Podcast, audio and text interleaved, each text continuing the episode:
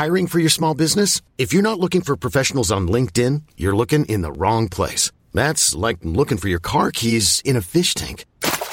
LinkedIn helps you hire professionals you can't find anywhere else, even those who aren't actively searching for a new job but might be open to the perfect role. In a given month, over 70% of LinkedIn users don't even visit other leading job sites. So start looking in the right place. With LinkedIn, you can hire professionals like a professional. Post your free job on linkedin.com slash achieve today.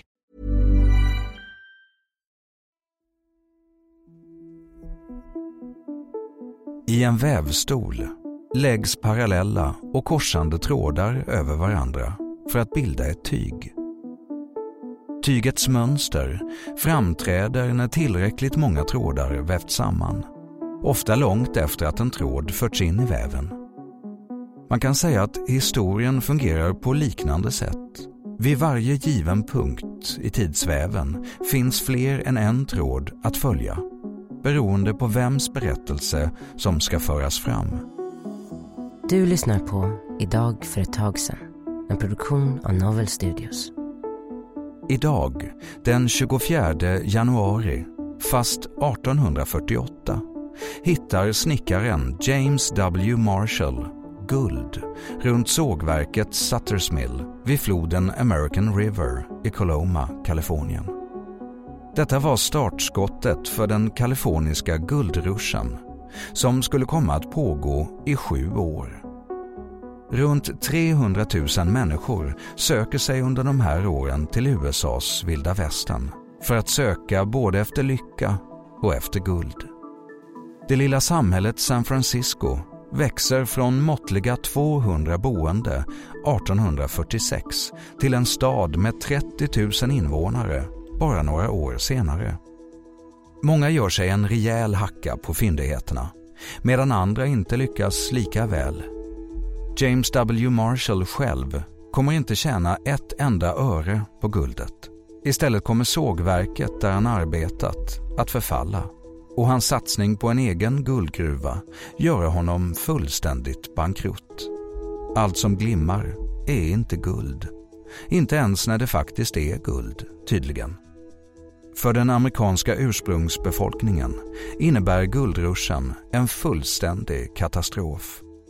Hela samhällen attackeras och drivs från sina bosättningar av guldgrävarna som praktiskt taget invaderar Kalifornien. Någonstans mellan 9 000 och 16 000 amerikanska urinvånare beräknas ha dödats mellan 1846 och 1873 och betydligt fler svultit och arbetat till döds. En skamfläck i den amerikanska historien.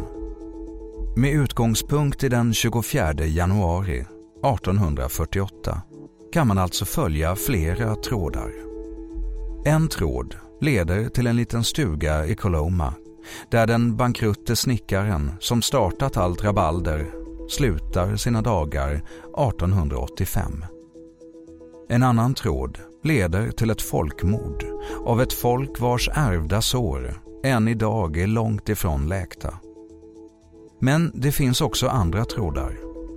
Under guldruschen översvämmas San Francisco-området av guldgrävande män. Ett nytt samhälle växer fram som kan beskrivas som normbrytande av flera skäl. Ett är att konventioner kring könsidentitet och sexualitet utmanades på denna nya, fria och snabbt föränderliga plats och lägger grunden för det San Francisco vi ser idag. En enormt viktig plats för den amerikanska hbtq-kulturen. Guldfyndet i American River leder alltså både till frihet och ofrihet. Historiens komplexa väv hänger samman av alla sina trådar, både de klandervärda och de som är värda att fira. Och världen hade inte varit det den är idag, utan en endaste en av dem. På gott och ont. Tack för att du har lyssnat på Idag för ett tag sedan som publiceras måndag till söndag. Följ gärna programmet i den app där du lyssnar. Vi hörs imorgon.